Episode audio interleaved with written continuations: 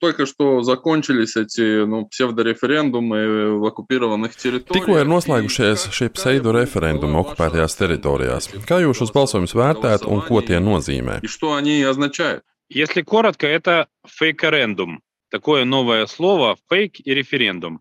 Ja īsi, tad šie bija feikorendumi. Tas ir jauns vārds, kas radies apvienojot vārdus fake un referendums. Šīm darbībām nav nekā kopīga ar likumiem, ne ar tautu tiesībām uz pašnoteikšanos. Kad Krievijas kolaboracionists Saldo kungs saka, ka ir Hersonas tauta, viņš vienkārši demonstrē visai pasaulē, ka viņš ir idiots. Jo nevar runāt par atsevišķu tautu vienā unitāras valsts apgabalā. Viņš vienkārši nesaprot, par ko viņš runā. Viņš ļoti cenšas būt uzticams un paklausīgs. Tas tikai nozīmē, ka Krievija vēlas pavilkt lielu Ukrainas gabalu zem sava karoga un parādīt to saviem pilsoņiem. Turklāt viņa nepievērš uzmanību pilnīgi nekādām prasībām, kā piemēram starptautiskajām tiesībām. Nepievērš uzmanību, ka balsošanas rīkošanai ir nepieciešami konkrēti apstākļi. Manuprāt, nekad iepriekš vēsturē, pat Hitleram tā nebija, no referenduma pasludināšanas līdz tā sarīkošanai paietu nedēļa. Tāpēc tā ir apkaunojoša Krievijas vēstures lapuse, kas tāda paliks arī turpmāk. Позорная страница российской истории, она таковой является, и таковой будет и дальше. Nu, скажем так, позорная, не позорная, но... Apkaunojoši vai neapkaunojoši, taču var teikt, ka tā bija gaidāma, jo kādu laiku tika runāts, ka šāds scenārijs ir iespējams.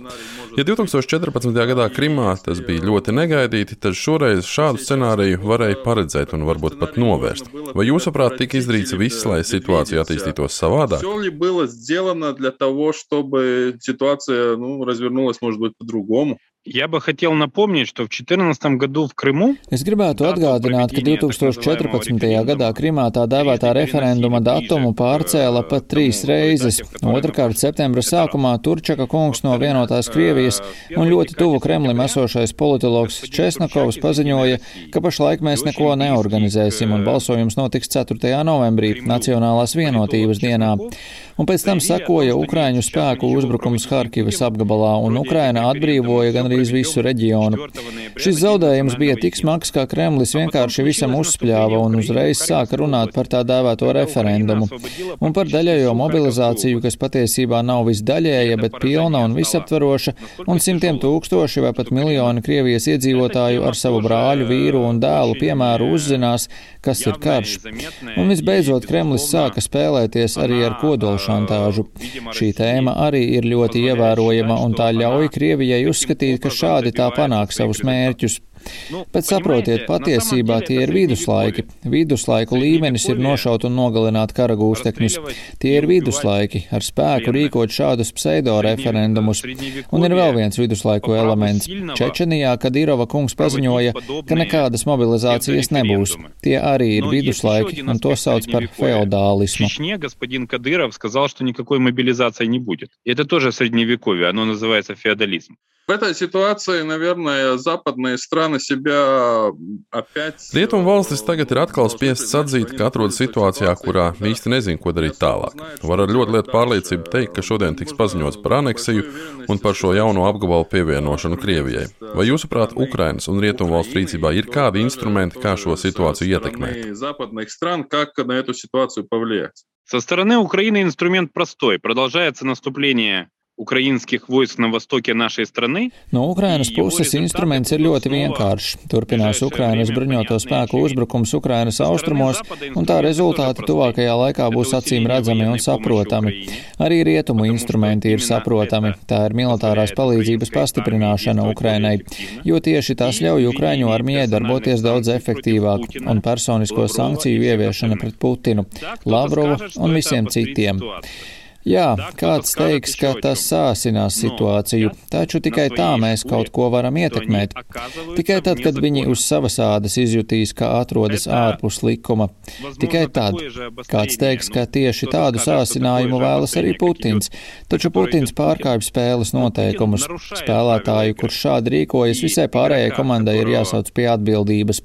Citādi viņš vienkārši nesapratīs. Всем коллективам привлекать к ответственности. Иначе он просто не поймет. Если мы говорим о вот этих э, четырех регионах, ja mēs runājam par šiem četriem reģioniem, cik jūsuprāt šajā karā tie ir nozīmīgi Krievijai? Ну, значимы для России в этой войне, которую она ведет. Я сразу подчеркну один важный момент. Россия не контролирует полностью ни одну из этих четырех областей. Es uzreiz gribu uzsvērt vienu ļoti svarīgu lietu. Krievija pilnībā nekontrolē nevienu no šiem četriem Ukrainas apgabaliem, pat Luhanskas apgabalu.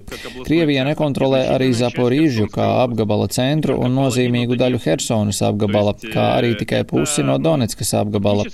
Kā ir paziņojis Putins, pievienotas tiek Novorosijas zemes. Taču patiesībā Krievija šādi vēlas nostiprināt savus pašreizējos iekarojumus, pēc tam piedāvājot, piemēram, caur Turcijas prezidentu Erdogana kungu sarīkot sarunas, kas var turpināties dziļā rudenī un ziemā. Kāpēc? Lai Krievija varētu atgūt spēkus, lai rastos iespēja papildināt savu karaspēka tehniku un bruņojumu. Šis scenārijs ir pilnīgi acīm redzams. Ukrainas prezidents Zelenskis ir paziņojis, ka Ukrainas teritoriju aneksijas gadījumā nekādu pārunu ar Krieviju nebūs. Manuprāt, tā ir vienīgā pareizā pieeja. И это, на мой взгляд, единственная правильная позиция. Вы уже упомянули мобилизацию, которая сейчас происходит. Jūs jau pieminējāt mobilizāciju, kas notiek Krievijā. Visticamāk, ka tās skars arī šos jaunos apgabalus, kas it kā nobalsoja par pievienošanos Krievijai. Kā šī mobilizācija varētu ietekmēt kara gaitu un kā uz to skatās no Ukrainas puses? Varbūt jūs zināt arī, kāds ir vienkāršo iedzīvotāju noskaņojums.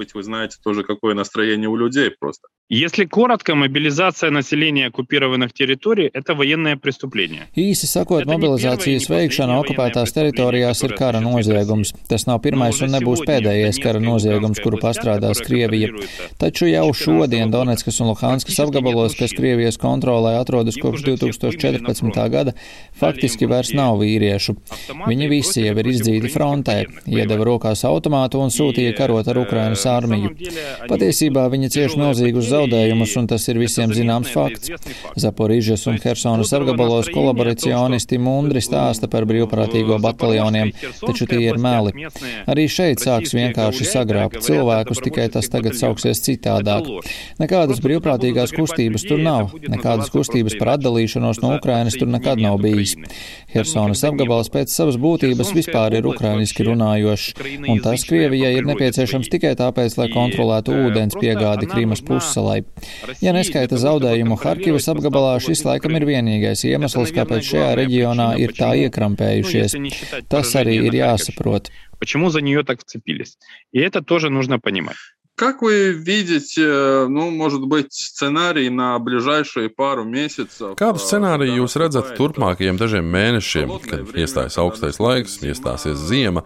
Kā varētu attīstīties visi šie procesi? Как будут развиваться процессы. Как я уже сказал, Россия будет пытаться втянуть Украину в переговоры, шантажируя при этом Запад поставками газа. Но Kā jau es teicu, Krievija mēģinās ievilkt Ukrainu sarunās, vienlaikus šantažējot rietumus ar gāzes piegādēm. Taču mēs redzam, ka rietumu gāzes krātuves daudz viet jau ir piepildītas par 90%, tāpēc es domāju, ka Eiropas Savienība īpaši nepiekāpsies.